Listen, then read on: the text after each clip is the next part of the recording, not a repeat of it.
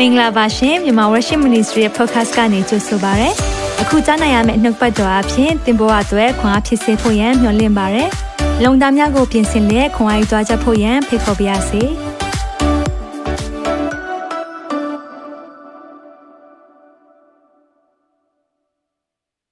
ရှလုံမိသားစုများအားလုံးနေကောင်းကြမယ်လို့ယုံကြည်ပါတယ်ဒီကနေ့မှလည်းကျမတို့ဖျားရှင်ပြင်ဆင်ပေး midweek မှာမိသားစုများနဲ့တူတကွာနှုတ်ပတ်တော်ခံယူဖို့ရန်အတွက်ရောက်ရှိခွင့်ပေးလို့ဖျားရဲ့ကျေးဇူးတော်သူပဲချီးမွမ်းပါတယ်ဒီကနေ့မှဖျားက တင်းနဲ့ကျွန်တော်ကိုစကားပြောမှဖြစ်တယ်ဟောပြောတဲ့သူလည်းဖះစကားပြောတယ်ဟောနေရင်နဲ့ပင်လင်ဖះရဲ့စကားပြောခြင်းကိုကျွန်တော်တကယ်ပဲခံစားရဖြစ်တယ်ခွန်အားယူနေတဲ့မိသားစုများပေါ်မှာလည်းဖះကအသက်တပံပြန်လဲစကားပြောမယ်ဆိုတော့အထူးပဲယုံကြည်နေပါတယ်အာမင် comment ထဲမှာရေးပေးပါအောင်ဖះစကားကြားရမယ့်နေ့ဖြစ်တယ်လို့ comment ထဲမှာရေးပေးပါအောင်ကျေးဇူးတော်ချီးမွမ်းတယ်ဒီနေ့နှုတ်ပတ်တော်ကျွန်မယူဆောင်လာပါတယ်ဖះနှုတ်ပတ်တော်ကတင်းနဲ့ကျွန်တော်ကိုစကားပြောဖို့အစဉ်သင့်ရှိနေပြီဖြစ်တယ်ဒါကြောင့်ကျွန်တော်နှုတ်ပတ်တော်ကိုကြိုးဆိုရတဲ့အနေနဲ့ကျမတို့အမြဲတမ်းဝန်ခံနေတဲ့နှုတ်ပတ်တော်ကိုလည်းမိသားစုများအတူတကွဝန်ခံဖို့ရန်အတွက်ဖိတ်ခေါ်ခြင်းနဲ့အဲ့နှုတ်ပတ်တော်ဝန်ခံခြင်းကတော့139ခုမြောက်သောစာလံအပိုင်ငယ်105ပဲဖြစ်တယ်။ဒီတကွမိသားစုများအားလုံးဝန်ခံကြရအောင်နော်။ဒီနှစ်တော့ နှုတ်ကပတ်တော်သည်ကျွန်ုပ်ခြေရှိမှမိခွက်ဖြစ်၍အကျွန်ုပ်လမ်းခီးကိုလင်းစေပါ၏အာမင်နောက်တစ်ခါလာဒီကပြန်လည်ဝန်ခံကြရအောင်နှုတ်ကပတ်တော်သည်ကျွန်ုပ်ခြေရှိမှမိခွက်ဖြစ်၍အကျွန်ုပ်လမ်းခီးကိုလင်းစေပါ၏အာမင်အာမင်ဒီနေ့ဖခင်ကကျွန်တော်တို့လမ်းကိုလင်းစေမှာဖြစ်ပါတယ် ဒီနေ့လမ်းလင်းနိုင်ဖို့ရန်အတွက်ကျမတို့ရဲ့အနာဂတ်လှပနိုင်ဖို့ရန်အတွက်ဖခင်ရဲ့နှုတ်ကပတ်တော်ကပဲလှုပ်ဆောင်ပေးနိုင်တာဖြစ်တယ်ဒီနှုတ်ကပတ်တော်ကိုကိုယ့်အတွက်ပဲခံယူကြရအောင်တခြားသူအတွက်မခံယူကြရအောင်ဘာကြောင့်လဲကိုယ့်ရဲ့လမ်းကိုလင်းဖို့ရန်အတွက်ကိုယ့်အတွက်ပဲကျမတို့အနေနဲ့ဝန်ခံဖို့ရန်အတွက်ပဲဖြစ်ပါတယ်အာမင်နှုတ်ကပတ်တော်ကိုခဏလောက်စက္ကန့်အနံကြရအောင် အသက်ရှင်၍ကောင်းမြတ်တော်မူသောထာဝရဘုရားဒီနေ့တော့ကိုရောကိုယေရှုတင်ပါတယ်။ဤနေ့ရက်ဒီကိုရောပြင်ဆင်တဲ့နေ့ရက်ဖြစ်တဲ့ကိုရောရှင်ဖန်ဆင်းတဲ့နေ့ရက်ဖြစ်လို့အလွန်ဝမ်းမြောက်ရှင်လန်းကြပါတယ်။ဘာဒီနေ့မှလည်းကိုရောရဲ့နှုတ်ပတ်တော်အပြင်သမီးတို့တရားစင်ကိုစကားပြောမှဖြစ်လို့အယမ်းမဲ့ဝမ်းမြောက်ပါတယ်ကိုရောနှုတ်ပတ်တော်အရှင်ကိုကြိုဆိုပါတယ်နှုတ်ပတ်တော်အရှင်ကိုနေရာပေးပါတယ်ကိုရောကိုရိုင်းပဲကိုရောသားသမီးအားလုံးကိုစကားပြောတော်မူပါအလားနဲ့အပြည့်နဲ့မတူဘဲနဲ့ကိုရောရှင်ထမလာတဲ့တဆွန်တစ်ခုတော့ကောင်းခြင်းမင်္ဂလာနဲ့ပြန်သွားပြီးတော့မှတပတ်တာလုံးအတွက်ခွန်အားသစ်များကိုဖြစ်စေတော်မူပါဖကျေးဇူးတော်ချီးမွမ်း၍တခင်ယေရှုဖျိုင်နာမကိုမြှုပ်၍စက္ကန့်နဲ့ဆုတောင်းပါ၏အာမင်အာမင်ကျေးဇူးတော်ချီးမွမ်းပါရယ်ကျမ ဒီနှုတ်ပတ်တော်ပေါ့နော် the power the power of prayer ဆိုတဲ့အရာကိုကျမတို့အနေနဲ့ခွန်အားယူကြမှာဖြစ်ပါတယ်ကျမတို့သတိထားမိမယ်လို့ယုံကြည်ပါတယ်နော်ကျမတို့ power ဆိုတဲ့အရာလေးကိုကျမတို့လေ့လာနေတာဒီနေ့နဲ့ဆိုတော့ဘိုင်းသုံးကိုရောက်ရှိလာပြီဖြစ်တယ်ပထမတစ်ခုကတော့ power တကိုးဆိုတဲ့အရာကိုကျမတို့လေ့လာခဲ့တဲ့နံပါတ်2အနေနဲ့ကတော့ the one with the power တကိုးခံရတော်သူဆိုပြီးမှကျမတို့အပိုင်း2အနေနဲ့ခွန်အားယူကြတယ်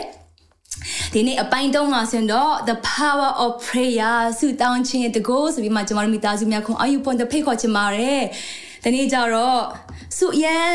တောင်းတတ်တဲ့သူတယောက်ကိုပေါ့နော်သူ့ရဲ့တငယ်ချင်းကမေးလိုက်တယ်။မင်းအလောက်ဆုတောင်းတာမင်းလောက်ဆုတောင်းတာလဲမင်းပဲအလောက်ဆုတောင်းတာဘာအကျိုးမြတ်များရလဲတဲ့သူတငယ်ချင်းကိုမေးလိုက်တယ်။ What do you gain from praying regularly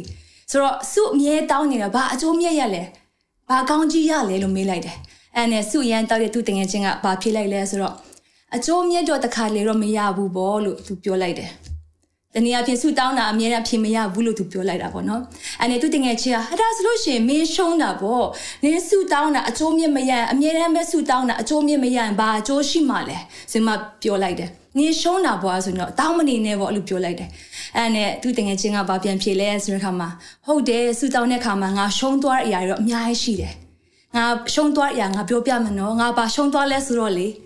စိတ်ဆိုးတတ်တဲ့အရာရှုံးသွားတယ်တဲ့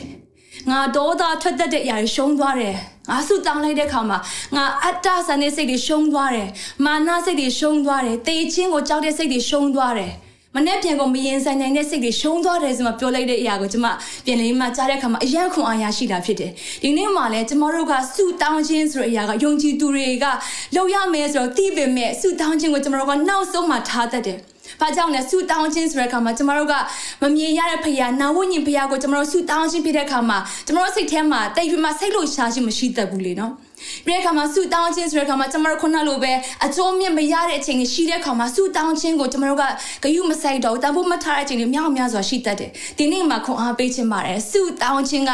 တကောအကြီးဆုံးပဲဖြစ်တယ်။ဖခင်ကကျမတို့ကိုပေးတဲ့လက်နက်တွေထဲမှာအကြီးမားဆုံးလက်နက်ကဆုတောင်းခြင်းလက်နက်ပဲဖြစ်ပါတယ်။အာမင်။ဒီနေ့ comment ထဲမှာရေးပေးပါအောင်။ဖခင်ဒီစကားပြောသောဖခင်ဖြစ်တယ်။ ဖះကိုတင်စကားပြောတဲ့အခါမှာအမြဲတမ်းပဲအဖြေဖះကပေးတာဖြစ်တယ်ခုနအကျိုးမြတ်အကြီးကြီးတော့တင်ရချင်မှရအောင်မယ်ဒါပေမဲ့ရှုံးသွားတဲ့အရာဒီနေ့စိတ်ဆိုးတတ်တဲ့အရာတွေကျမတို့တတမှာမရင်ကျက်တဲ့အရာတွေကိုဆူတောင်းခြင်းအားဖြင့်ဖះနဲ့စကားပြောခြင်းအားဖြင့်ဖះနဲ့ကျမတို့တွာလာတတ်ခြင်းအားဖြင့်ဒီအရာတွေကတဖြည်းဖြည်းနဲ့နဲသွားပြီးတော့မှကိုရောနီးသူ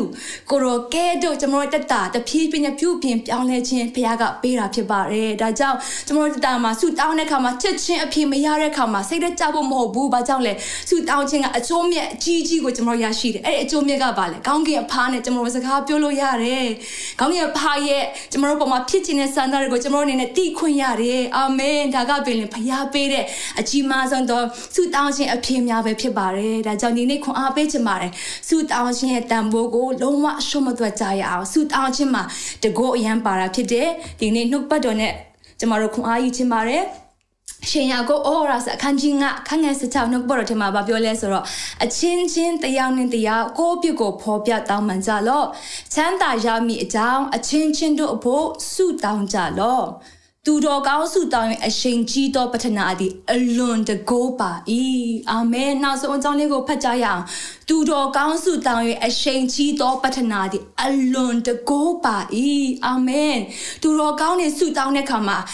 တကယ်တကိုးရှိတယ်လို့ပြောတာဖြစ်တယ်သူတော်ကောင်းက righteous righteous people ကျမတို့ကခရစ်တော်အဖြစ်ဖြောင့်မတ်တော်သူများဖြစ်တယ်ယောမအောရာစာခန်းကြီးတော့အခန်းငယ်24ထဲမှာလည်းဗာပြောထားလဲဆိုတော့ယေရှုခရစ်ရွေးနှုတ်တော်မူသောအားဖြင့်အဖိုးကိုမပေးပဲဖရာသခင်ယေရှုတော်ကြောင့်ဖြောင့်မတ်ရာတို့ရောက်ရကြ၏တဲ့အာမင်ဒါကြောင့်ကျမတို့ခုနသူတော်ကောင်းကကျမတို့ဖြစ်သွားပြီဘာကြောင့်လဲခရစ်တော်ရဲ့ရွေးနှုတ်ခြင်းအားဖြင့်ဖြစ်တယ်ယေရှုတော်အားဖြင့်ဖြစ်တယ်ကျမတို့ဘက်ကနေဘာမှလုပ်စမလို့ပဲနဲ့သူရဲ့တစ်ဖက်တစ်မြစ်တာယေရှုတော်အားဖြင့်ကျမတို့ဒီဖြောင့်မတ်တော်သူများဖြစ်တယ် ခရစ်တော်ရဲ့အသွေးတော်နဲ့အသားတော်နဲ့ကျွန်တော်တို့တက်ဆိုင်တော်သူများဖြစ်တယ်။သူရဲ့ရွေးနှုတ်ခြင်းအားဖြင့်ကျွန်တော်တို့ဖြောင့်မတ်ခြင်းရတော်သူများဖြစ်တယ်။ဒါကြောင့်ကျွန်တော်တို့တာကဖြောင့်မတ်တော်သူဖြစ်တဲ့အခါမှာတခင်နဲ့ကျွန်တော်တို့စကားပြောတဲ့အခါမှာကျွန်တော်တို့တာဆုတောင်းတဲ့အခါမှာတခင်ကိုကျွန်တော်တို့တကယ်ပဲဆံရတဲ့နှလုံးသားနဲ့တောင်းလျှောက်တဲ့အတန်တွေဒီတကယ်ပဲတကိုးကြီးတဲ့အတန်များပဲဖြစ်တယ်။အာမင်။လွတ်ချင်းခွင့်ကိုဖခင်ကတင့်ကိုပေးခြင်းနဲ့ဖခင်ပဲဖြစ်တယ်။ဒါကြောင့်မလို့ဒီနေ့မှလည်းကျွန်တော်တို့အနေနဲ့ဒီဆုတောင်းခြင်းတကိုးကြီးခြင်းအကြောင်းအရာတွေကိုစမ်းစာထဲမှာကျွန်တော်လေ့လာတယ်။ဒီနေ့သုံးချက်နဲ့မိသားစုများခွန်အားပေးချင်ပါတယ်နံပါတ်1အချက်အရေးကြီးဆုံးကတော့မိသားစုများတည်ဖို့ရန်အတွက်ဆုတောင်းခြင်းဟာအသင်းတော်ရဲ့အဓိကအမှုဆောင်လုပ်ငန်းဖြစ်တယ်ဆိုရကိုဒီနေ့နံပါတ်1အနေနဲ့ခွန်အားပေးချင်ပါတယ် Prayer is the vital ministry of the church အသင်းတော်ကဆုတောင်းခြင်းမှာဖခင်ကကျမတို့ကိုခွဲခတ်မှတ်သားထားတဲ့အရာပဲဖြစ်ပါတယ်။သခင်ယေရှုခရစ်တော်လောကမှာအသက်ရှင်တဲ့အခါမှာလဲသူအနေနဲ့ပိမှန်တော်ရောက်သွားတဲ့အခါမှာ ငါရဲ့အိမ်ကိုဆူတောင်းရအိမ်ဖြစ်သတ်မှတ်မယ်ဆိုမှသခင်ကပြောထားတာဖြစ်တယ်ဒါပေမဲ့ကျမတို့ကသခင်ရဲ့အိမ်မှာဆူတောင်းခြင်းမဟုတ်ဘဲနဲ့ကျမတို့ရဲ့စားပွဲတွေကျမတို့ရဲ့အာဝေယဝက်ဆိုင်နဲ့အလုံးရှုံနေတဲ့ခါမှာသခင်မနှစ်သက်ဘူးသခင်မကြိုက်ဘူးအကြောင်းဒီနေ့မှာသခင်ကကျမတို့ကိုနှစ်သက်တယ်သခင်ကျမတို့ဒီအသင်းတော်တွေယုံကြည်သူတွေစုဝေးပြီးမှရှိတဲ့အရာမှာသခင်ဖြစ်စေခြင်းတဲ့အရာကသူရဲ့အိမ်ကဆူတောင်းရအိမ်လို့ခေါ်ဖွင့်တဲ့ဘုရားကအလိုတော်ရှိတာပဲဖြစ်ပါတယ်အာမင်အဲကြောင့်ကျမတို့ရဲ့တက်တာထဲမှာလည်းသခင်အလိုတော်ရှိတဲ့အတိုင်းပဲအသက်ရှင်သက်ဖွင့်ဆိုအရေးကြီးတာဖြစ်တယ်ဆုတောင်းခြင်းအတင်းတော်မှာအရန်ကိုအရေးကြီးတာဖြစ်တယ်ကျမတို့ပထမ century first century believers တွေအမှန်တော်ရဲ့တက်တာထဲမှာတမန်တော်ဝတ္ထုကျမတို့ကြီးတဲ့ခါမှာသူတို့တက်တာကလေဆုတောင်းခြင်းနဲ့အစပြုတဲ့သူများပဲဖြစ်တယ်ကျမတို့တမန်တော်ဝတ္ထုအခန်းကြီး1ကိုကျမတို့ဖတ်တဲ့အခါမှာအခန်းကြီး2ဖတ်တဲ့အခါမှာလဲသူတို့ကတန်ရှင်တော်ဝင်တို့ဘုရားဖရားရဲ့ဂတိတော်ကိုသူတို့စောင့်မျှော်တဲ့အခါမှာတိုင်းမဲ့စောင့်နေတာမဟုတ်ဘဲနဲ့ဘလို့စောင့်မျှော်လဲဆိုတဲ့အခါမှာယုံကြည်သူတွေပေါင်းစည်းပြီးမှဆုတောင်းခြင်းအပြင် ဒီနေ့ဖခင်ရဲ့ဂတိတော်ဖြစ်တဲ့တန်ရှင်တော်ဝိညာဉ်ကိုစောင့်မျှော်နေတာပဲဖြစ်ပါတယ်။အာမင်ဒီလိုမျိုးဆုဝေးတဲ့အလယ်မှာကျမတို့တွေဆုတောင်းခြင်းအလယ်မှာဖခင်ရဲ့ဝိညာဉ်တော်ဆင်းသက်တဲ့အခါမှာတို့ရဲ့တမတကိုးကိုခံရတာဖြစ်ပါတယ်။အဲကြောင့်ဒီနေ့မှာမိသားစုများခွန်အားပေးခြင်းပါကျမတို့မိသားစုတွေတရားတယောက်ဆုဝေးတဲ့အခါမှာကျမတို့ပေါင်းစည်းတဲ့အခါမှာကျမတို့ရဲ့တက်တာထဲမှာဆုတောင်းခြင်းဖခင်နဲ့အစာပြုဖွင့်တော့အရန်ကိုအရေးကြီးတာပဲဖြစ်ပါတယ်။ဒီနေ့ဆုတောင်းခြင်းရဲ့အရေးကြီးတဲ့အရာကိုကျမတို့အနေနဲ့နှုတ်ပေါ်တော်ထဲမှာတွေ့ရတာကတမန်တော်ဝတ္ထုအခန်းကြီးစနစ်ထဲအကြောင်းအရာနဲ့ခွန်အားပေးချင်ပါတယ်အသင်းတော်မှာညင်းဆဲချင်းစတင်မှရောက်လာတာကိုကျွန်တော်တို့တွေ့ရတာဖြစ်ပါတယ် ဖခင်ရဲ့ဝိညာဉ်တော်ဆင်းသက်တဲ့အခါမှာတမန်တော်တွေကတကိုးနဲ့နှုတ်ပတ်တော်ဟောပြောတဲ့အခါမှာသခင်ခရစ်တော်ရဲ့ကယ်တင်ခြင်းသတင်းစကားတွေလူပေါင်းမြောက်များစွာကြားပြီးမှကယ်တင်ခြင်းရတဲ့အခါမှာတစ်ဖက်ကစာတန်ကအယံကိုတိုက်ခိုက်လာတာကိုကျွန်တော်တို့တွေ့ရတာဖြစ်တယ်။အသင်းတော်ကိုစာတန်ကအယံမုန်းတယ်ဒီနေ့မိသားစုများအသင်းတော်ကိုစာတန်ကအတိုက်ခိုက်ခြင်းဆုံးပဲဖြစ်ပါတယ်။အဲကြောင့်ကျွန်တော်တို့အနေနဲ့အသင်းတော်ကိုကအသင်းတော်ထဲမှာရှင်မိသားစုတွေအနေနဲ့စာတန်ကိုတိုက်လိုက်နိုင်တဲ့လက်နဲ့ဖျားပေးလက်နဲ့ကဆုတောင်းခြင်းလက်နဲ့ပဲဖြစ်ပါတယ်။ဒီဆုတောင်းခြင်းလက်နဲ့ကမလုတ်မလုတ်ခြင်းဆုံးတော့ရဖြစ်မဲ့ဖျားထဲမှာကျွန်တော်တို့တွားတဲ့အခါမှာဖျားခွန်အားကျွန်တော်တို့ကိုပေးတဲ့အခါမှာဆုတောင်းနိုင်တဲ့ခွင့်ကိုဖျားပေးလာပေးလာမှာပဲဖြစ်ပါတယ်။ တမန်တော်ဝတ္ထုခိုင်းစနစ်ခန်းငယ်တစ်မှာကျွန်တော်တွေ့တဲ့အခါမှာဟေရိုမင်းကြီးကတဲ့ခရစ်တော်ကိုယုံကြည်သူတွေကိုညင်ဆဲခြင်းကစီရင်ပြီးတော့မှယောဟန်ရဲ့အကိုဖြစ်တဲ့ယာကုပ်ကိုဓာတ်နဲ့ကွမြစ်လေ၏ယူဒလူတွေကအယံဝမ်းမြောက်တဲ့အခါမှာလဲနောက်အဇူမပွဲနေရမှာလဲတဖန်ပေတီကိုပြန်ပြီးမှဖမ်းတယ်တဲ့ပေတီကိုပထခပတ္တခပွဲလွန်ပြီးတဲ့အခါမှာလူတွေစီမှာထုတ်ပြီးတော့မှသူ့ကို တပ်ဖို့ရန်အတွက်သူ့ထောင်ထဲမှာလောင်ထားတယ်တဲ့အငယ်ငါးမှာကျွန်တော်ကြည့်တဲ့အခါမှာပေတျုဒီထောင်ထဲ၌အချင်းနေရစဉ်တင်းဝင်သူတို့ဒီသူ့အဖို့စ조사၍ဖရားသခင်ကိုဆုတောင်းပတနာပြုကြ၏အာမင်တမန်တော်တွေဆုအရန်တောင်းတယ်သူတို့ဆုတောင်းခြင်းအပြင်သူတို့နှုတ်ပတ်တော်ဟောပြောတဲ့တိခံချက်ပြီးလူတွေမြောက်များစွာပြောင်းလဲတာကိုကျွန်တော်တွေ့ရတယ်ဒီနေရာမှာကျွန်တော်ကြည့်တဲ့အခါမှာ ဒီမှာယာကုပ်ကိုဟေရိုမင်းကြီးကကွန်မြတ်တာကိုလည်းတည်တယ်ပြီးတဲ့အခါမှာပေတျုကိုလည်းဖမ်းတာတည်တဲ့အခါမှာအသင်းတော်ကအငြိမ်မနေတော့ဘူး ကျမတို့အနေနဲ့ဒီတမန်တော်ရရဲ့တက်တာ first century believers ရဲ့တက်တာကိုကျမတို့ကြည့်တဲ့အခါမှာသူတို့တာအငြိမ်မနေတဲ့သူများပဲဖြစ်တယ်ဖခင်ရဲ့မျက်မှောက်ကိုအမြဲရှိုင်မှာဖခင်ရဲ့တကိုးတော်ကိုမျှော်လင့်နေတဲ့သူများပဲဖြစ်ပါတယ်ဒီနေ့မှလည်းကျမတို့တာမှာဒုက္ခဆင်းရဲရောက်မှပဲဖခင်ထံကိုလှည့်တော့သူများမဟုတ်ဘဲနဲ့ကျမတို့အချိန်တိုင်းအချိန်တိုင်းမှာဖခင်ရဲ့မျက်မှောက်တော်ထဲမှာစကားပြောပြီးမှဖခင်နဲ့ယဉ်ကျေးကျွမ်းဆိုအသက်ရှင်ပွင့်တဲ့အရေးကြီးတာပဲဖြစ်ပါတယ်အာမင်အာမင်အဲကြောင့်လည်းကျမတို့တာမှာခက်ခဲမှပဲဖခင်ထံကိုလာတော့သူများမဟုတ်ကြရအောင်အာမင်အစဉ်ပြေတဲ့အခါမှာဘုရားခင်စီကိုလာတယ်လို့ပဲအခက်ခဲဆုံးသောကာလမှာလည်းဘုရားခင်စီမှာကျမတို့အနေနဲ့တိုးဝင်ချင်းကပွင့်တဲ့ဒီနေ့မိသားစုများခွန်အားပေးခြင်းနဲ့ဒီအချိန်မှာပေတီယုကိုဖမ်းဆီးလိုက်တဲ့အခါမှာတင်းဝင်တဲ့သူတွေကစ조사ပြီးမှစတင်မှဆူတောင်းတယ်ကိုကျမတို့တွေ့ရတာဖြစ်ပါတယ်ကျမတို့ရဲ့တာမှာလည်းအတင်းတော်တွေကိုစတင်ပြီးမှစာတန်ကတိုက်ခိုက်နေနေတဲ့အရာကိုကျမတို့တွေ့နေရဖြစ်တယ်ဒီကမ္ဘာလုံးမှာကျမတို့ကြီးတဲ့အခါမှာအခုချိန်မှာ ဖះကိုလွတ်လပ်စွာဖြင့်ဝတ်ပြုကိုကိုွယ်ခြင်းမရှိတဲ့သူတွေမြောက်များစွာရှိနေပါရှိနေတာဖြစ်ပါတယ်။အသေးတော်တွေညင်ပန်းနေစချင်းခံရတဲ့အရာမြောက်များစွာကျွန်တော်တို့အနေနဲ့ကြားနေရတာဖြစ်တယ်မြင်နေရတာဖြစ်တယ် physically ပေါ့နော်ကိုခန္ဓာပိုင်းဆိုင်ရာမှာညင်ပန်းနေစခြင်းမရှိသည့်တိုင်အောင်ကျမတို့ကိုအသွေးခေါ်အားဖြင့်ဖြစ်ပါစေကျမတို့ကိုထောချလုပ်နေတဲ့အရာညင်ပန်းနေစတဲ့အရာမြောက်များစွာရှိနေတာပဲဖြစ်ပါတယ်။အဲကြောင့်ကျမတို့ရဲ့တက်တာထဲမှာမိသားစုများသူတို့ကပေါင်းစည်းတဲ့အခါမှာကျမတို့အနေနဲ့သူတို့ကအဆုတောင်းခြင်းလုပ်ဖွင့်အတွက်တကယ်ပဲအရေးကြီးတာပဲဖြစ်ပါတယ်။ကျမတို့ဆုတောင်းတဲ့အခါမှသာလဲအာမင်ကျမတို့တညီတညွတ်တဲ့ဖခင်ရုံးမတော်ထဲမှာကျမတို့သွားတဲ့အခါမှသာလဲကျမတို့ရဲ့တက်တာထဲမှာဖခင်ရဲ့ကာကွယ်ခြင်းကိုအထူးပဲခံစားရမှာဖြစ်ပါတယ်။ဆုတောင်းခြင်းဆိုတဲ့အရာကလေကိုဟာကိုကာကွယ်တာဖြစ်တယ်လို့ပဲကျမတို့မရောက်နိုင်တဲ့နေရာမှာကျမတို့မသွားနိုင်တဲ့နေရာမှာပြင်လေအဲ့ဒီဆုတောင်းခြင်းကရောက်သွားပြီးမှကာကွယ်ခြင်းကိုလည်းပြုတဲ့အရာပဲဖြစ်တယ်အာမင်ဖခင်ပေးတဲ့အကြီးမားဆုံးသောလက်နက်တစ်ခုလည်းဖြစ်ပါတယ်အဲ့ဒီမှာအတင်းဝင်တဲ့သူတွေစတင်ဆုတောင်းတယ်တဲ့ကျမတို့ရဲ့တာမှာခက်ခဲရောက်တဲ့အထိကျမတို့စောင့်နေဖို့မဟုတ်ဘူးအာမင်ကျမတို့ရဲ့တာမှာအခုကတည်းကစတင်မှဆုတောင်းတတ်ဖို့ဆိုအရေးကြီးတယ်ဘလို့ဆုတောင်းအောင်လဲဒီနေ့ တိမောသေဩရာဆိုပထမဆုံးအခန်းကြီးနှစ်ထဲမှာပြောရတာကကျမတို့တကယ်ခွန်အားဖြစ်စေတာဖြစ်တယ်။အငယ်တစ်ကနေသုံးမှာငါတို့ဒီဖျားဝတ်နိုင်မွေလော်ခြင်းလျှောက်ပတ်စွာခြင်းချင်းအမျိုးမျိုးကိုပြု၍ငြိမ်ဝတ်စိတ်ညံစွာနေရမည်အကြောင်းရှင်ဘီမဆ၍မင်းအာနာရှိတော်သူအပေါင်းတို့နှင့်လူအမျိုးမျိုးတို့ဖို့ဆုတောင်းပတနာပြုခြင်းမေတ္တာပို့ခြင်းကျေးဇူးတော်ကိုချီးမွမ်းခြင်းကိုရှေးဥစွာပြုစေခြင်းငါငါတိုက်တွန်းသွေးဆောင်၏အကြောင်းမူကားထိုတို့သောအမှုသည်ကောင်းသောအမှုဖြစ်၏ငါတို့ကိုကယ်တင်တော်မူသောအရှင်ဖျားသခင်နှစ်သက်တော်မူသောအမှုလည်းဖြစ်၏တဲ့အာမင်ကျွန်တော်တို့တမဖယားဝတ်ကိုမွေ့လျော်နိုင်ဖို့ရန်အတွက်ရောက်ပတ်စွာဖြင့်ကျင့်ချင်းအမျိုးမျိုးကိုပြုပြီးမှငြိမ်ဝှက်စိတ်ညံဆိုနေရမည်အကြောင်းတဲ့ရှင်ဘီမစပြီးတော့မင်းအာနာရှိတဲ့သူတွေကိုဆုတောင်းပေးရမယ်တဲ့လူအမျိုးမျိုးကိုဆုတောင်းပေးရမယ်ကောင်းချီးပေးရမယ်ဆိုရင်မှနှုတ်ပတ်တော်ထဲမှာရေးသားတာဖြစ်ပါတယ်ကျွန်တော်တို့ယုံကြည်သူတွေဆုတောင်းခြင်းအားနည်းလာတဲ့အခါမှာ အသင်းတော်တွေထဲမှာစာတန်ရဲ့တိုက်ခိုက်တဲ့အရာကိုလည်းပိုပြီးမှမြင်တွေ့လာရတာဖြစ်ပါတယ်။ကျမတို့လိုမျိုးစာတန်တိုက်ခိုက်တဲ့အရာတွေညင်ပတ်နှိမ့်ဆက်ခြင်းကိုတားရမြင်တဲ့အခါမှာကျမတို့ရဲ့ထွက်ပေါက်တစ်ခုတည်းလဲဆုတောင်းခြင်းပဲဖြစ်ပါတယ်။အာမင်။ဒါကြောင့်မလို့ကျမတို့ရဲ့တာထဲမှာအခုဆိုလို့ရှိရင်မြန်မာနိုင်ငံမှာဖြစ်ပျက်နေတဲ့အရာများကျမတို့ဆုတောင်းခြင်းမလျှော့ကြရအောင်ဆက်လက်ပြီးတော့မှကျမတို့တွေကောင်းကြီးပေးပြီးတော့မှမြန်မာပြည်ကိုဆုတောင်းပေးကြရအောင်။ Israel နိုင်ငံကိုကောင်းကြီးပေးမှကျမတို့ဆုတောင်းပေးကြရအောင်။ကျမတို့ Zoom prayer room တွေကိုအမြဲတမ်းဖွင့်ထားပေးတာဖြစ်တဲ့အပတ်တိုင်းအင်္ဂါနေ့မှာကျမတို့မိသားစုတွေတူတူကဆုတောင်းကြရအောင်တနာရီအတွင်းလေးကျမတို့ဆုတောင်းတဲ့ကာလအတွင်းမှာကျမတို့တိုင်းပြည်ကိုဆုတောင်းနေတဲ့အရာတွေကိုကျမတို့ကြားတဲ့အခါမှာဖခင်ရဲ့ကျေးဇူးတော်တကယ်ပဲချီးမွမ်းတာဖြစ်တယ်ကျမတို့ဆက်လက်ပြီးမှဆုတောင်းခြင်းကိုကျမတို့ကိုပြည်လိမ်မှနှိုးဆော်ကြရအောင်တယောက်တစ်ခွန်အားပေးကြရအောင်ဘာကြောင့်လဲနှစ်ဦးသုံးဦးတဲ့တဘောသူနေလဲပေါင်းဖို့တဲ့အလဲမှာဖခင်သူပါရှိတယ်ကျမတို့ပေါင်းစီပြီးတော့မှစီလုံးဆိုပြီးကျွန်တော်ဆူတောင်းတဲ့အလဲမှာဖျားစတင်မှာအလုံးလုံးတာကိုကျွန်တော်တို့တာမှာမြင်တွေ့ရမှာဖြစ်တယ်ကျွန်တော်တို့ Queens နဲ့ Connect မှာဆိုအပတ်တိုင်းဆူတောင်းခြင်း program တွေကျွန်တော်လုပ်ထားတာဖြစ်ပါတယ် Queens နဲ့ Connect မှာမနေ့9နိုင်နဲ့9နိုင်ခွဲနိုင်ဝက်အတွင်းလေးကျွန်တော်တို့ရှိတဲ့ချိန်အစီအစဉ်မစ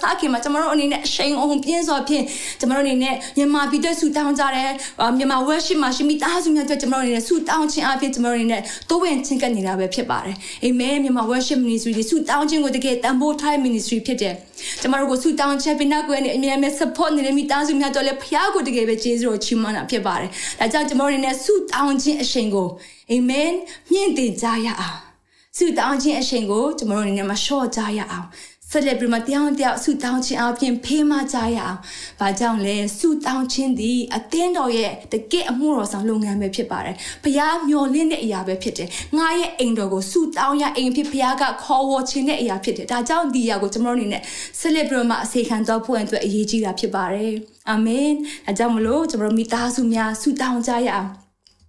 နောက်တမန်တော်ဝတ္ထုခန်းကြီးလေးမှာလည်းဗာပြောထားသေးလဲဆိုတဲ့အခါမှာ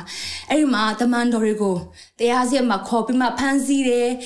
ချိန်ချောက်တယ်ညှဉ်းပန်းနှိပ်စက်တဲ့ချိန်မှာအငယ်29မှာသူတို့စတင်မှဘုရားကိုဆုတောင်းတယ်။အိုးထာဝရဘုရားယခုအခါထိုသူတို့၏ချိန်ချောက်ခြင်းကိုမှတ်တော်မူပါ။အနာယောဂငြိမ့်စေခြင်းကလက်တော်ကိုဆက်တော်မူ၍တန်ရှင်တော်သားတော်ယေရှု၏နာမတော်အားဖြင့်နမွေလက္ခဏာအံပွေတော်အမှုတို့ကိုဖြစ်စေတော်မူစဉ်တွင်ကိုရော၏ဂျုံတို့သည်နှုတ်ကပတ်တရားတော်ကိုရဲရင်စွာဟောပြောပါမည်အကြောင်းကဲမတနာတော်မူပါဟုဆုတောင်းကြ၏ထိုတို့ဆုတောင်းဖနာပြုပြီးမှဆုဝေသောအရစ်သည်တုံလှုပ်၍ထိုသူအပေါင်းတို့သည်တန်ရှင်တော်ဝိညာဉ်တော်နှင့်ပြည့်သဖြင့်ဖရာသခင်နှုတ်ကပတ်တရားတော်ကိုရဲရင်စွာဟောပြောကြ၏အာမင်ဆုတောင်းခြင်းကယုံကြည်ခြင်းယုံကြည်သူများလက်ဝက်လက်နဲ့ပဲဖြစ်ပါတယ်ကျွန်တော်ဆူတောင်းတဲ့အခါမှာဘုရားရဲ့အတန်ကိုကျွန်တော်ကြားတတ်တဲ့အခါမှာဘုရားရဲ့ဝိညာဉ်ကျွန်တော်တို့တာမှာဆင်းသက်တဲ့အခါမှာကျွန်တော်တို့တာမှာ နှုတ်ပတ်တော်ကိုဟောပြောတတ်တဲ့ခံဖို့ရေးနဲ့နှလုံးသားမြောက်ဘုရားပေးလာတာဖြစ်တယ်။တကိုးပါသောစိတ်တွေဘုရားပေးလာတာဖြစ်တယ်။ချစ်တတ်တဲ့စိတ်တွေဘုရားပေးလာတာဖြစ်တယ်။ရှင်းတဲ့စိတ်တဘောထားဘုရားကပေးလာတာဖြစ်တယ်။အဲ့ဒီຢာကကျွန်တော်တို့ဘုရားနဲ့နေ့စနေမှာတွေ့ထိခြင်းယဉ်ဤကြောင်းဝင်ခြင်းအဖြစ်မြရရှိတဲ့အရာများပဲဖြစ်တယ်။ဒါကြောင့်အသင်းတော်တွေဒီနေ့မှာပြန်လည်ခွန်အားပေးခြင်းနဲ့ဆက်လက်ပြီးမှကျွန်တော်တို့ဆူတောင်းခြင်းရှင်ကိုမြင့်တင်ကြရအောင်။ညင်ပိုင်းနဲ့စချင်းလာကိုလာတော့မှာဖြစ်တဲ့အတင်းတော်များမှာရောက်ရှိနေပြီဖြစ်တဲ့တရုတ်နိုင်ငံတွေမှာဆိုကျွန်တော်တို့ကြားနေရတယ် အာတကယ်ပဲတင်းတော်တွေကိုညှဉ်းပန်းနှိပ်စက်တဲ့အရာမြောက်များစွာရှိနေတာဖြစ်တဲ့အီရန်နိုင်ငံတွေမှာမြန်မာနိုင်ငံလည်းပါတယ်အကြောင်းကျွန်တော်တို့ယုံကြည်သူများဒီအချိန်ကာလမှာကျွန်တော်တို့အနေနဲ့တရားကြောက်ဆူတောင်းခြင်းအပြင်ဖေးမှကြရအောင်ဆူတောင်းခြင်းဖြင့်ကျွန်တော်ဝိုင်းဝန်းကြရအောင်ဘာကြောင့်လဲဖခင်မျှော်လင့်တဲ့အရာလည်းဖြစ်တယ်အာမင်နံပါတ်1အနေနဲ့ခွန်အားပေးခြင်းနေရာကဆူတောင်းမှကောင်းကင်တမန်များစတင်အလုံးလုံးတယ်အာမင် when you pray the angels start to work တရားကိုမိသားစုတွေကိုအထူးပဲ ဒီနေ့မှာပြန်လည်ခွန်အားပေးချင်ပါတယ်ကျမတို့ဆုတောင်းတဲ့အခါမှာကောင်းကင်တမန်တွေစတင်အလုံးလုံးတာဖြစ်ပါတယ်ယုံကြည်သူတွေဆုတောင်းဖို့အရေးကြီးတာဖြစ်တယ်တခါကတရားဟောစရာဟောတဲ့အရာကိုကျွန်မခွန်အားယူဘူးတယ်သူကဘာပြောလဲဆိုတဲ့အခါမှာကောင်းကင်နိုင်ငံမှာတဲ့ကောင်းကင်တမန်တွေအလုံးလက်မဲ့ဖြစ်နေကြတယ်တဲ့အဲ့တော့ကျတဲ့ခါမှာကျမတို့တော့အံ့ဩသွားတယ်ခေါင်းသမန်တွေအလုံးလက်မဲ့ဖြစ်တယ်။ဘာကြောင့်လဲလို့သူပြောတဲ့ခါမှာဘာကြောင့်ခေါင်းသမန်တွေအလုံးလက်မဲ့ဖြစ်တယ်လဲဆိုရင်တော့တဲ့ယုံကြည်သူတွေက စုမတောင်းလို့ပဲဖြစ်တယ်တဲ့ယုံကြည်သူတွေကပြင်းရှိနေလို့ပဲဖြစ်တယ်တဲ့ဒီဟာကိုကြားတဲ့ခါမှာကျမရဲ့နှလုံးသားမှာတကယ်ပဲဝမ်းနဲ့ချေခွဲသွားတယ်ကျမတို့ကိုဖျားပေးတဲ့ခေါင်းသမန်တွေကျမတို့အနေနဲ့ဆုတောင်းဖို့သူတို့ကကျမတို့နဲ့တူတူကအလက်သွဲဖွင့်သူအစင်သင်းရှိနေတယ်ကျမတို့ကိုအောင်မြင်ခြင်းပေးဖို့အစဉ်သင့်ရှိနေတဲ့အရာကိုကျမတို့ကတန်ဖိုးမထားဘူးကျမတို့စုမတောင်းတဲ့အခါမှာခေါင်းရည်တမန်တွေအလုပ်လုပ်လို့မရဘူးကျမတို့နှုတ်ပေါ်တဲ့ထဲမှာဒိုင်လာထဲမှာကျမတို့တွေ့တွေ့တယ်ဒိုင်လာ21ရက်သူစုတောင်းတဲ့အခါမှာ ခေါင်းရည်တမန်တွေစတင်လုပ်လို့တာကိုမြင်တွေ့ရဖြစ်တယ်ကျွန်တော်တို့ရဲ့ဆူတောင်းခြင်းတွေအဖြစ်မရအောင်တိုက်ခိုင်းနေတဲ့အရာမြောက်များစွာရှိနေတယ်။ဒါကြောင့်ဒီနေ့မှာကျွန်တော်တို့ဆူတောင်းတဲ့အခါမှတာလေကောင်းကင်တမန်တွေစတင်အလုံးလုံးတယ်ဆိုတော့ကိုမိသားစုကိုခွန်အားပေးခြင်းတယ်။တမန်တို့တို့ခိုင်းစနစ်မှာလည်းဗာတွေ့ရလဲဆိုတော့ခါမှာ အငယ်6မှာပေတရုဒီဟေရိုမင်ထုတ်ခါနီညအချိန်တွင်တန်ကျိုး20နှင့်ချီနှောင်ချင်းဝခံရလျက်စစ်တူရဲ့နှစ်ယောက်တို့အလယ်၌အိပ်ပျော်၍အဆောက်များတို့သည်ထောင်တကားရှိမှစောင့်နေကြ၏ထိုအခါထာဝရဘုရား၏ကောင်းကင်မှသည်ပေါ်လာလျင်ထောင်အိမ်၌အလင်းထွန်းတောက်လေ၏အာမင်ဒီနေ့မှာကြည့်တဲ့အခါမှာထာဝရဘုရားရဲ့ကောင်းကင်မှပေါ်လာတယ်တဲ့အအငယ်ငါးမှာယုံကြည်သူတွေစတင်ပြီးမှစ조사ပြီးမှပေတူးတဲ့ဆုတောင်းပေးတဲ့အခါမှာ ကောင်းကင်တမန်ကဂုဏ်ကြီးဖို့ရောက်ရှိလာတာဖြစ်တယ်။ကောင်းကင်တမန်စတဲ့အလုပ်လုပ်တာကိုကျွန်တော်မြင်တွေ့ရနေပြီဒီနေရာမှာကောင်းကင်တမန်ဒီပေတူးနဘေးကိုပုတ်ခတ်၍အလင်းမြန်ထလောက်ဟုဆိုလက်ထစီ၏တန်ကြိုးဒီလေပေတူးလက်မှကျွတ်လေ၏ ကောင်းတမန်ကလည်းတင်းခပန်းကိုစီလော့ချင်းင်းကိုလည်းစီလော့ဆိုလင်ဆိုဒီအတိုင်းပေဒီပြူဤဝလုံကိုခြုံ၍ငါးနာတို့လိုက်လော့ဆိုပြဤပေဒီဒီထွေလိုက်တော်လဲကောင်းတမန်ပြုသမျှတို့ဒီမှန်သောအမှုရာဖြစ်တည်ဟုမသိမမှတ်ပဲမိမိဒီဗျာတဲ့ယူပိုင်ကိုမြင်တည်ဟုထင်လေ၏လူဆောက်နှစ်တန်ကိုလွန်သွားရဲ့မြို့ထဲသို့ဝင်သောတန်တကားတို့ရောက်လင်ထိုတကားသည်အလိုလိုပွင့်သဖြင့်သူတို့သည်ထွက်၍လမ်းတစ်ကြောင်း၌ရှောက်သွားပြီးမှ ကောင်းကင်တမန်ဒီချက်ချင်းပေတူးမှခွာသွား၍ခွာ၍သွားလေ၏တဲ့အာမင်ဒီနှုတ်ပတ်တော်ကျွန်မကြည့်တဲ့အခါမှာတကယ်ခွန်အားရရှိတာဖြစ်တဲ့ယုံကြည်သူတွေစသည်မှဆူတောင်းတဲ့အခါမှာကောင်းကင်တမန်အလုပ်လုပ်ပြီးမှပေတူးကိုကဲတင်တယ်ကျွန်တော်တွေ့ရဖြစ်တယ်ဒီပေတူးဒီချိန်မှာကျွန်တော်ကြည့်တဲ့အခါမှာသူ့ရဲ့တမန်ထွတ်မြလမ်းမရှိတော့ဘူး။ဘာကြောင့်လဲဆိုတော့ तू ကတန်ကြိုးနှစ်စင်းနဲ့ချင်းအောင်ချင်းခံရတယ်စစ်တူရဲ့နှစ်ယောက်ရဲ့အလဲမှာလေ तू အရှိနေတယ်။အဆောင်ကြီးကလည်းထောင်တကားရှိမှဝမ်းရနေတယ်။ ဒါပေမဲ့ယုံကြည်သူတွေဆုတောင်းတဲ့အခါမှာလေယုံကြည်သူတွေကအဲ့ထောင်မှာမရောက်နိုင်ပေမဲ့ဆုတောင်းခြင်းအရှင်ကရောက်သွားတဲ့အခါမှာခေါင်းရမအလုတ်လုတ်ဖို့အတွက်ဖခင်ရဲ့ပြင်ဆင်ခြင်းကိုမြင်တွေ့ရတာဖြစ်ပါတယ်အာမင်ကျွန်တော်ရဲ့တာထဲမှာမတော်လွားနိုင်တဲ့အရာတွေရှိနေတယ်ဆိုလို့ရှိရင်ကျွန်တော်ရဲ့တာထဲမှာမထိုးဖောက်နိုင်တဲ့အရာရှိနေတယ်ဆိုလို့ရှိရင်လူအနေနဲ့မတတ်နိုင်တဲ့အရာရှိတယ်ဆိုလို့ရှိရင်စားတယ်ပြီးမှဆုတောင်းဖို့အရေးကြီးတယ်အာမင်ဘာကြောင့်လဲကျွန်တော်ဆုတောင်းတဲ့အခါမှာခေါင်းရမအလုတ်လုတ်တာကိုကျွန်တော်တို့မှာခံစားမှာဖြစ်တယ်အဲကြောင့်လို့ဒီနေ့ကျွန်တော်တို့တာမှာခေါင်းရမနေနဲ့အတူတကွအလုတ်လုတ်တတ်ဖို့မိသားစုများဒီနေ့မှာခွန်အားပေးချင်တာဖြစ်တယ်ကျွန်တော်တို့ဆယ်နေဆိုလို့ရှိရင်ဆုတောင်းတဲ့အခါမှာအာနှုတ်ပေါ်လာရတဲ့ခါတိုင်းမှာအမြဲအတိုက်ခိုက်ရှိတယ်ဒီနေ့ဆိုရင်အတိုက်ခိုက်အမျိုးမျိုးရှိတယ်ဒီနေ့ကျွန်တော်တို့ညအိတ်တဲ့ခါမှာလည်းအတိုက်ခိုက်တဲ့အမျိုးမျိုးရှိညမအိတ်နိုင်လောက်အောင်ပေါ့နော်ဒီနေ့မှာနှောက်ရှက်တွေအများကြီးရှိဒီနေ့မှာကျွန်တော်တို့ဆုတောင်းရတယ်ကျွန်တော်တို့ဖခင်နဲ့အချိန်ယူရတာဖြစ်တယ်နှုတ်ပေါ်တော့ဟောပြောတဲ့တေခံတော့မြအချိန်တိုင်းမှာပြင်လေတခုခုကတော့အမြဲအတိုက်ခိုက်ရှိတယ်ဒီအတိုက်ခိုက်ကကျွန်တော်အောင်မြင်ခြင်းကိုပေးဖွင့်တယ်ပဲဖြစ်တယ်ဘာကြောင့်လဲဒီအတိုက်ခိုက်ရှိတဲ့ခါမှာကျွန်တော်ဆုတောင်းလာတာဖြစ်တယ်ဆုတောင်းတဲ့ခါမှာဖခင်ရဲ့နှုတ်ပေါ်တော့စီးစင်းပြီးမှလူတွေတက်မှာလွတ်မြောက်ခြင်းကိုကျွန်တော်တို့ကမြင်တွေ့ရတာဖြစ်တယ်ဒါကြောင့်မိသားစုများဆုတောင်းခြင်းအပြင်ကျွန်တော်တို့ကောင်းတမန်များနဲ့တူကအလုံးလုံးဖွင့်သွဲခွန်အားပေးခြင်းနဲ့ကောင်းတမန်တွေကဘသူတွေလဲဟေပြဩရာဆာခန်းကြီးတဲ့အခန်းငယ်၁၄ကဘာပြောထားလဲဆိုတော့ကောင်းတမန်များတို့ကကဲတင်တော်မူခြင်းကျေးဇူးကိုအမွေခံလက်တန့်တော်သူတို့ကိုပြုစုစေခြင်းငါစေလွတ်တော်မူသောအစေခံနာဝိညာဉ်ဖြစ်ကြသည်မဟုတ်လောတဲ့အာမင် ကောင်းတမန်တွေကကျွန်တော်တို့နဲ့သူတို့ကအလုံးလုံးဖို့ဖရားခင်စေလွတ်ထားတဲ့အစေခံနာဝိညာဉ်များပဲဖြစ်တယ်ဒါကြောင့်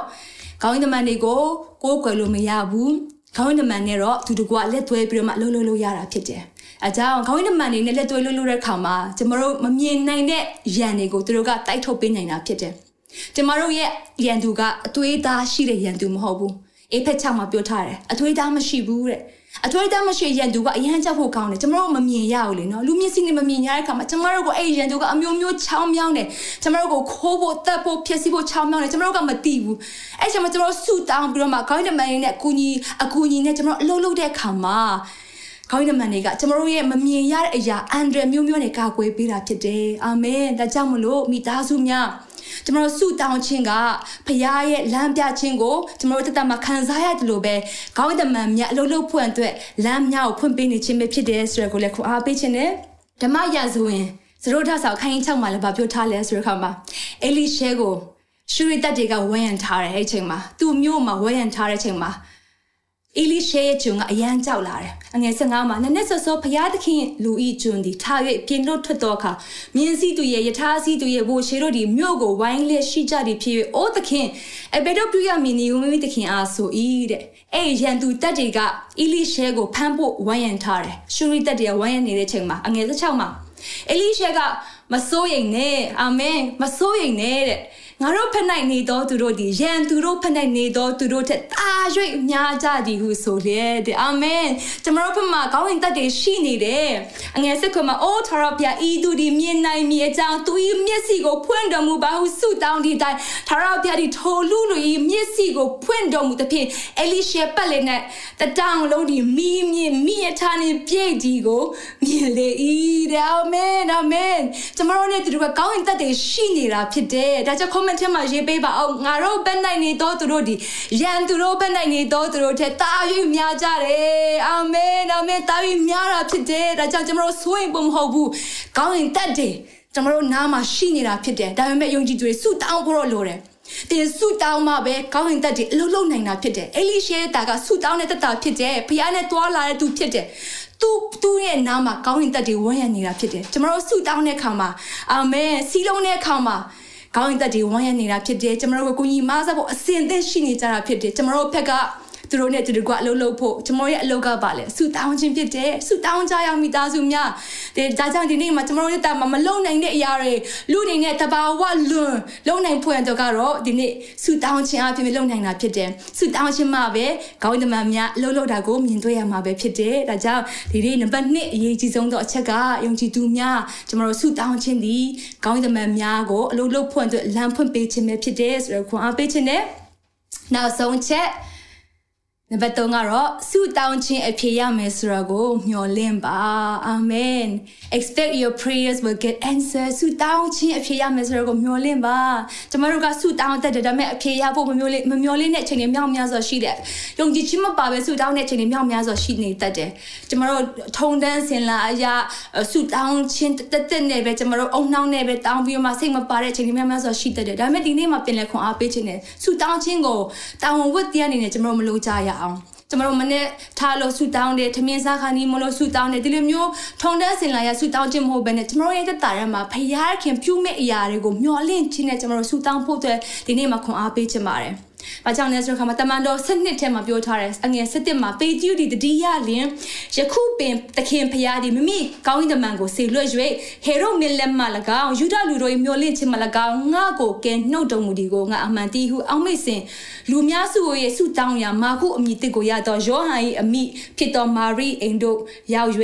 အိမ်ဦးတကားကိုခောက်လေတော့ယောဒီအမိရှိတော်မဲမဲငယ်တယောက်ဒီနားထောင်ခြင်းကလာ၍ပေတျု၏စကားတန်ကိုတိလျင်ဝမ်းမြောက်တော်အဖြစ်တကားကိုမဖွင့်မဲ့အထဲတို့ပြေးဝင်၍ပေတျုဒီတကားရှိမှရနေဒီဟုကြားပြော၏တဲ့အဲ့မှာပေတျုကသူဘယ်သွားလဲဆိုတော့ဆုတောင်းတဲ့နေရာကိုသွားတာဖြစ်တယ်သူဆုတောင်းတဲ့နေရာရောက်တဲ့ခါမှာတကားခောက်လိုက်တယ်အဲ့မှာကလေးမလေးကတကားနားမှာနားထောင်လိုက်တယ်ပေတျုဆိုတော့ तू မမြင်သေးဘူးနော်အတန်အောင်ပဲကြားတဲ့ခါမှာ तू တိတဲ့အခါမှာတကားမဖွင့်မနဲ့ချက်ချင်းပြေးသွားပြီးမှပေတျုရှိတယ်ဆိုမှဆုတောင်းတဲ့လူတွေအားလုံးကိုပြောလိုက်တယ်တဲ့ အဲ့မှာငယ်စင်ကားမှာထိုသူတို့ကတင်းဒီအယူဖြစ်ဟုထမိမငါဆိုကြတော့ပေတူအမှန်ရှိသည်ဟုသူဒီခိုင်မာစွာဆိုလင်ပေတူဤကောင်းတဲ့မှဖြစ်လိမ့်မည်ဟုဆိုကြ၏တဲ့ဒီအကြည့်တဲ့ခါမှာကျွန်မတကယ်ပဲအာကျွန်တော်တို့နဲ့တနေ့တူတယ်နော်ဘာကြောင့်လဲဆိုတော့သူတို့ဆူတော့အရန်တောင်းနေတယ်ပေတူလွတ်လာဖို့ဆူအရန်တောင်းနေဒါပေမဲ့သူတို့ကတကယ်ကလွတ်လာတဲ့ခါမှာလွတ်မယ်လို့ကိုမမျော်လင့်မထင်ထားဘူးအဲ့ကလေးမလေးကိုပြောတဲ့ခါမှာအယူပဲဘာလျှောက်ပြောနေတာလဲပေတူမဟုတ်ဘူးဆိုမှသူတို့ပြောတယ် ဒီနေ့မှာကျွန်တော်တို့ဆုတောင်းတဲ့အဖြစ်ဖျားပေးမယ်ဆိုတဲ့အရာကိုလည်းကျွန်တော်မျှော်လင့်တတ်ဖို့လည်းမိသားစုများပြင်လိမ့်မှခွန်အားပေးချင်ပါတယ်သူတောင်းခြင်းမှာဖခင်ကအဖြေပေးတယ်အမအငယ်16မှာပေကျူကခောက်၍နေတော့တကားကိုဖွင့်ကြပြီးသူ့ကိုမြင်တဲ့ဖြင့်အလွန်တရာအံ့ဩကြတယ်တဲ့အိမ်မှာပေကျူလွတ်မြောက်လာတာကိုကျွန်တော်တို့တော့ပရောထင်မှာတွေ့ရတာဖြစ်ပါတယ်ကျွန်တော်တို့တာမှာလေဖခင်ကကျွန်တော်တို့ကိုအမြဲတမ်းပဲအဖြေပေးတဲ့ဖခင်ဖြစ်တယ်အမြဲတမ်းပဲကျွန်တော်တို့ကိုစကားပြောတဲ့ဖခင်ဖြစ်တယ်အမြဲတမ်းပဲကျွန်တော်တို့ကိုအဖြေ၃မျိုးနဲ့အမြဲတမ်းစကားပြောတယ် ဆူတောင်းတဲ့ခါတိုင်းမှာအဖြေသုံးမျိုးဖျားအမြဲပေးတယ်နံပါတ်1အဖြေကဘာလဲဆိုတော့မှာ yes တဲ့ကျွန်တော်ရဲ့ဆူတောင်းတဲ့တန်ကို yes ဆိုမှအဖြေပေးတယ်ခုနကျွန်တော် story ထဲမှာကြည့်တဲ့အတိုင်းပဲယုံကြည်သူတွေဆူတောင်းလာတဲ့ခါမှာသူတို့ရဲ့ဆူတောင်းတဲ့အရာအလောက်မြင်မြင်အဖြေရမလို့တောင်သူတို့မထင်လိုက်ဘူးဒါပေမဲ့ဖခင်ကဆူတောင်းတဲ့အရာကိုချက်ချင်းအဖြေပေးလိုက်တယ်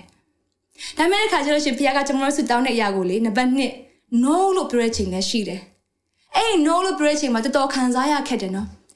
ကျွန်တော်ရဲ့တာမ no လို့ဖះပြောချင်မှတကယ်ခံစားရခဲ့တယ်။ဆင်းနဲ့ကျမတို့ဆိုလို့ရှိရင်ဒါသမီးနာရဖို့ဆူတောင်းနေတာအခုဆိုကျွန်တော်အိမ်ထောင်တဲ့10နှစ်ထဲကိုကျွန်တော်ရောက်ရှိလာပြီဖြစ်တယ်။ကျွန်တော်ဆူတောင်းတယ်မဖြစ်မကွက်ဆူတောင်းတယ်ကိုရောသားသမီးရဲ့နာပေးပါ။ကျွန်တော်10နှစ်ထဲရောက်လာခါမှာဖះကမဖြစ်အဖြစ်မပေးတဲ့ခါမှာအရင်တုန်းကဆိုရင်တော့လွန်ခဲ့တဲ့နှစ်နှစ်လွန်ခဲ့တဲ့9နှစ်6နှစ်တုန်းကဆိုရင်တော့ကျွန်မစိတ်ထဲမှာ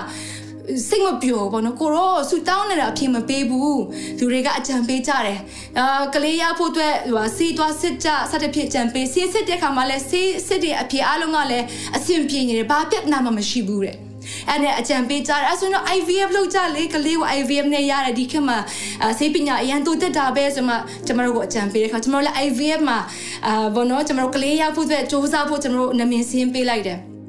ကျမတို့ကိုခေါ်တဲ့အခါမှာကျမတို့စိတ်ထဲမှာမပျော်ဘူးပေါ့နော်ဟာလို့ဒါဖရားရဲ့အချမ်းစီမဟုတ်ဘူးဖရားရဲ့ဖရားပေးမယ်ဆိုရင်တော့ကျမတို့ဒီ IVF နဲ့သွားစံမလို့ပဲနဲ့ဖရားရဲ့အဖြေကိုပဲကျမတို့လိုချင်တဲ့ဆိုရင်မှကျမတို့နေအဲ့ဟာအားလုံးကိုကျမတို့ cancel ပြီးမှဆက်ပြီးမှဆူတောင်းတယ်ဒါပေမဲ့ဒီနေ့ဒီချိန်ထိတော့ကျမတို့ကလေးမရသေးဘူးဖရားကကျမတို့ကို no လို့ပြောတယ်ကျမတို့ရဲ့ဆူတောင်းတဲ့အဖြေပေါ့နော်ကျမတို့ရဲ့ လိုချင်တဲ့အဖြေတော့မရပေမဲ့လေဆူတောင်းရင်တောင်းရင်နဲ့လေကျမတို့ရဲ့တာမှာဘယ်လိုခံစားလဲဆိုတော့မှ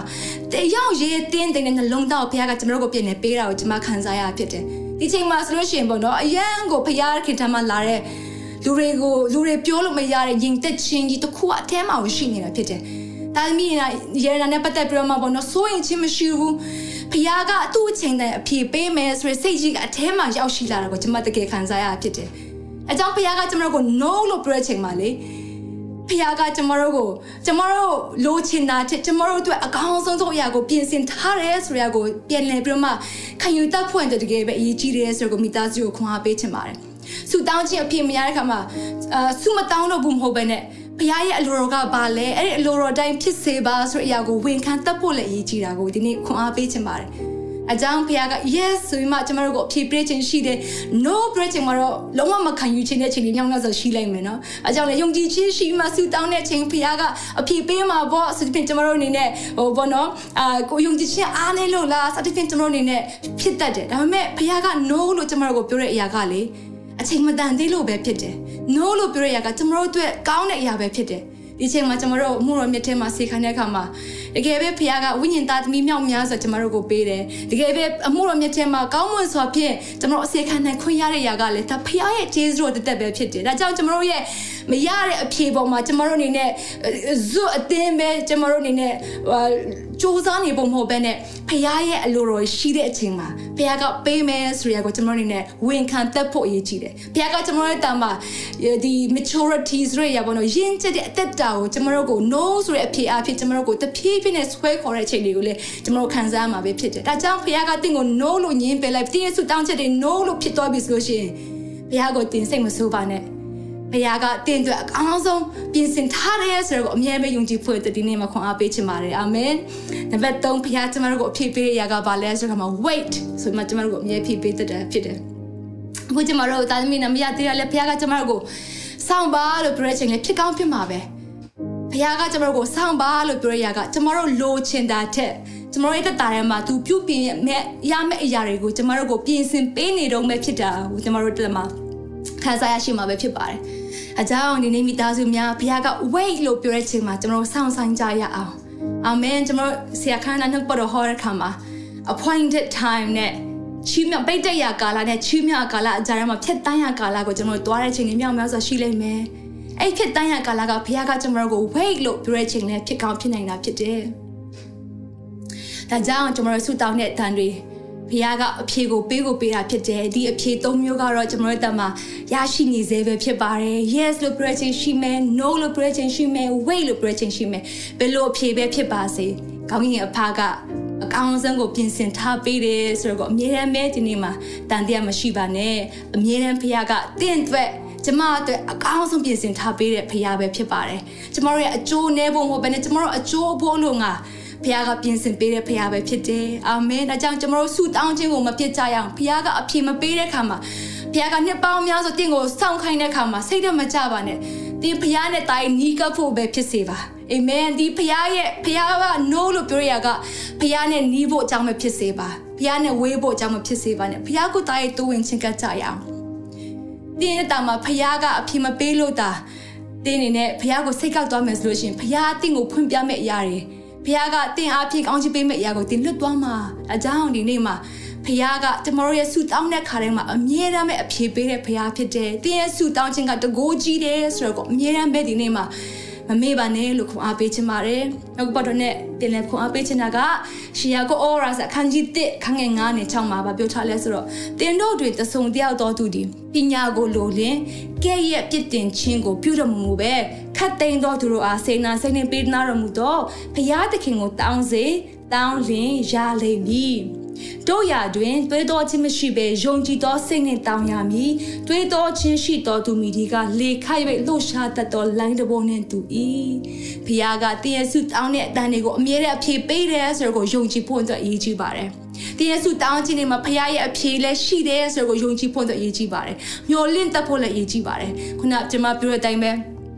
yes လို့ပြောမယ် no လို့ပြောမယ် wait လို့ပြောမယ်ဘလို့ပဲဖြစ်ပါစေဖခင်ကတင်းလိုချင်တာထက်တ င့်အတွက်အကောင်းတဲ့အရာကိုပြင်ဆင်ထားတဲ့ဖရားဖြစ်တယ်ဆိုတော့အမြဲတမ်းပဲအမှတ်ရပွင့်သူခွန်အားပေးချင်ပါတယ်ဒါကြောင့်ကျွန်တော်တို့ဆုတောင်းခြင်းကအရင်တကူကြီးတယ်ကျွန်တော်တို့ဆုတောင်းခြင်းကကောင်းကင်ကိုတုံလှုပ်စေတာဖြစ်တယ်ကျွန်တော်တို့ဆုတောင်းခြင်းကကောင်းကင်တမန်တွေကိုအလုပ်လုပ်စေတာဖြစ်တယ်ကျွန်တော်တို့ဆုတောင်းခြင်းကဖရားရဲ့လက်တော်ကိုမြင်တွေ့ဖို့အတွက်လမ်းဖွင့်ပေးနေခြင်းပဲဖြစ်တယ်ဒါကြောင့်ဆုတောင်းခြင်းကိုမလျှော့ကြရအောင်မိသားစုများတရားတရားဆုတောင်းခြင်းအဖြစ်တရားကြရအောင်ဖေးမကြရအောင်အားပေးကြရအောင်ဘာကြောင့်လဲကျွန်တော်တို့ရဲ့တာထဲမှာနောက်ဆုံးသောကာလရဲ့နောက်ဆုံးသောချိန်မှာကျွန်တော်အသက်ရှင်တဲ့အခါမှာသခင်အလိုလိုရှိတဲ့ အရာများကိုကျွန်တော်တို့တောင်းတဖို့အတွက်အရေးကြီးတယ်ကိုယ့်ရဲ့ဆန္ဒများချက်အာမင်သခင်ရဲ့အလိုတော်ကိုကျွန်တော်တို့အနေနဲ့အဝင်ခံတတ်ဖို့အတွက်အရေးကြီးတဲ့အရေးကြီးတယ်ဆိုရကိုမိသားစုများပင်လည်းမှာခွန်အားပေးချင်ပါတယ်ဒါကြောင့်ဒီနေ့မှာဘလို့အချိန်လေးပဲဖြစ်ပါစေအသင်းတော်များဆုတောင်းကြရအောင်အသင်းတော်များဆုတောင်းတဲ့အခါမှာယုံကြည်သူများဆုတောင်းတဲ့အခါမှာကောင်းတမန်များအလုပ်လုပ်တယ်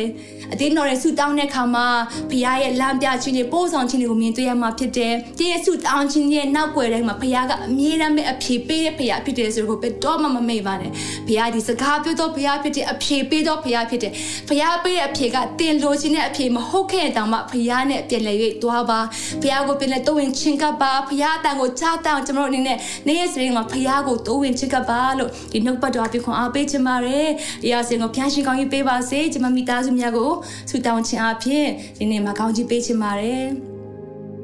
အသက်ရှင်ကောင်းမဲ့တော်မူသောအဖကိုရောကိုယေရှုတင်ပါတယ် ကိုရောဒီနေ့မှာသူတော်ကောင်းဆူတောင်းတဲ့ပထနာ အလွန်တကိုးပါတယ်လို့ကိုရောထဲမှာကိုရောပြောထားပါတယ်ဒါကြောင့်ဒီနေ့မှာကိုရောသားသမီးများကိုဆက်လက်ပြီးတော့မှဆူတောင်းခြင်းမှာ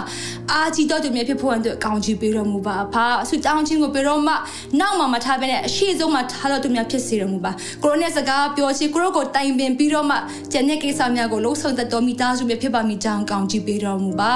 ဆူတောင်းခြင်းအပြင်ကိုရောနိုင်ငံတော်ကိုတိုက်တီထောင်တော်မိသားစုများဖြစ်စေတော်မူအတင်းတော်များသည်ယုံကြည်သူများသည်စုဝေးတဲ့အခါတိုင်းမှာဆူတောင်းခြင်းအပြင်ကိုရောရဲ့လက်တော်ကိုတုံလှုပ်စေတော်သူများကိုရောရဲ့လက်တော်ကိုကိုရောလက်တော်မှာလာတဲ့ကောင်းချီးများကိုမြင်တွေ့တော်သူများဖြစ်ပါမိကြောင်းကိုရောကောင်းချီးပေးတော်မူပါအတင်းတော်များဆူတောင်းခြင်းအပြင်ကိုရောဒီနေ့မှာမကြော်လွှားနိုင်တဲ့အရာများမမတကွယ်တိုက်စတာစီနေရတိုက်ခိုက်နေတဲ့အရာများမမြင်ရတဲ့အန်ဒရပေါင်းနေကိုရောကွဲကားခြင်းနဲ့ခေါင်းထဲမှာများရဲ့ကွဲကားချက်လှုပ်လှုပ်ခြင်းကိုမြင်တွေ့ဖို့ကြောင့်ဖြစ်စေတော်မူပါဖာကိုရောဆူတောင်းတဲ့ခါတိုင်းမှာကိုရောအဖြေပေးတဲ့အရာများတော့ဂျေဇုတော်ချီးမွမ်းပါတယ်တမလို့လိုချင်တဲ့အဖြေမဟုတ်ခင်တောင်မှကိုရောကောင်းမြတ်နေစေပဲဖြစ်ပါတယ်ကိုရောရဲ့အလိုတော်ဒီတမလို့အတွက်အကောင်းဆုံးဖြစ်တဲ့အရာများကိုအမြဲတမ်းဝန်ခံတတ်ပါမိကြောင်းတန်ရှင်းတော်နဲ့ပြဆက်လက်ပို့ဆောင်ပေးနာတော်မူပါဖာကိုရော yes လို့ဖြေပေးတဲ့ခါမှာဂျေဇုတော်ချီးမွမ်းတတ်လို့ပဲကိုရော no လို့ပြောတဲ့ခါမှာကိုရော wait လို့ပြောတဲ့ခါမှာလဲကိုရောရဲ့အလိုတော်ကိုဝန်ခံပြီးတော့မှကိုရောထံကိုပဲတိုးဝင်ချစ်ကပ်တော်မိသားစုများဖြစ်ပါမိကြောင်းတယောက်စီရောကောင်းချီးပေးနာတော်မူပါဖာဒီနေ့ကြားနိုင်တော့ပတ်တော်တိုင်းပဲနေ့ရက်စဉ်တိုင်းမှာမိသားစုတွေထဲမှာအိုးဒီနေ့မှာအသင်းတော်တွေထဲမှာဆူတောင်းခြင်းအားဖြင့်ကိုရောရဲ့နိုင်ငံတော်ကိုတည်ထောင်တော်သူများဖြစ်ပါမိကြောင်းဆက်လက်ကောင်းချီးပေးနာတော်မူပါဖာဂျေဇုတော်ချီးမွမ်းပါတယ်ဆူတောင်းခြင်းအားဖြင့်ရက်တည်နေတဲ့မိသားစုများဂျေဇုတင်နေမြတ် worship ကိုနောက်ကွယ်နေဆူတောင်းခြင်းပြပန့်ပိုးနေမိသားစုများဂျေဇုတော်ချီးမွမ်းပါတယ်တို့ကိုလည်းဆက်လက်ကောင်းချီးပေးတော့မှခိုင်ခန့်စေတော်မူပါဖာ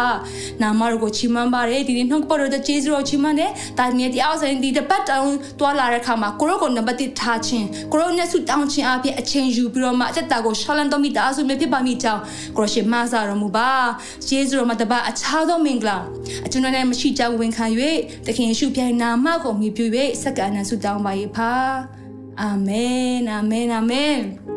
ယေရှုတင်နဲ့အရာစိတ်ဒီနှုတ်ပတ်တော်ဖြစ်ခွန်အားရရှိမလို့ယုံကြည်ပါတယ်။တည့်ရဲ့ဆုတောင်းခြင်းကအလွန်တကိုးကြီးတယ်။ဒါကြောင့် စိတ်ဓမ္မကြနဲ့ဆက်လက်ပြီးမှဆုတောင်းခြင်းအပြင်ဘုရားထံကိုတိုးဝင်ချစ်ကကြရအောင်လို့ခွန်အားပေးချင်ပါတယ်။အာမင်။ဒါကြောင့်ဒီနေ့မှာလည်းကျွန်တော်တို့ဘောနော်အာနောက်ဆုံးပိုင်းရရှိလာပြီဖြစ်တယ်။ကျွန်တော်တို့ဘုရားအလိုတော်ရှိတယ်ဆိုလို့ရှိရင်တော့ကျွန်တော်တို့ဒီစနေနေ့မှာနှုတ်ပတ်တော်ဆရာဒေးဗစ်ကင်စီကနေခွန်အားယူခြင်းအပြင်ပြင်လည်ပြီးတော့မှဆုံတွေ့ရအောင်လို့မိသားစုများအားလုံးကိုခွန်အားပေးချင်ပါတယ်။ရာစင်ကိုဖျားရှင်ကောင်းကြီးပေးပါစေ။ တင်ခုလိုနာဆင်ခွန်အားနိုင်ခြင်းဟာမြန်မာ Worship Ministry ကိုလာဆင်ပန်ပိုးနေကြတဲ့ Kingdom Partners များအကြောင်းဖြစ်ပါတယ်။ဖျားခင်နိုင်ငံတော်ကျယ်ပြန့်ရေးအတွက်လာဆင်ပေးကမ်းပောင်းဖို့ရန်ဖိတ်ခေါ်လိုပါတယ်ရှင်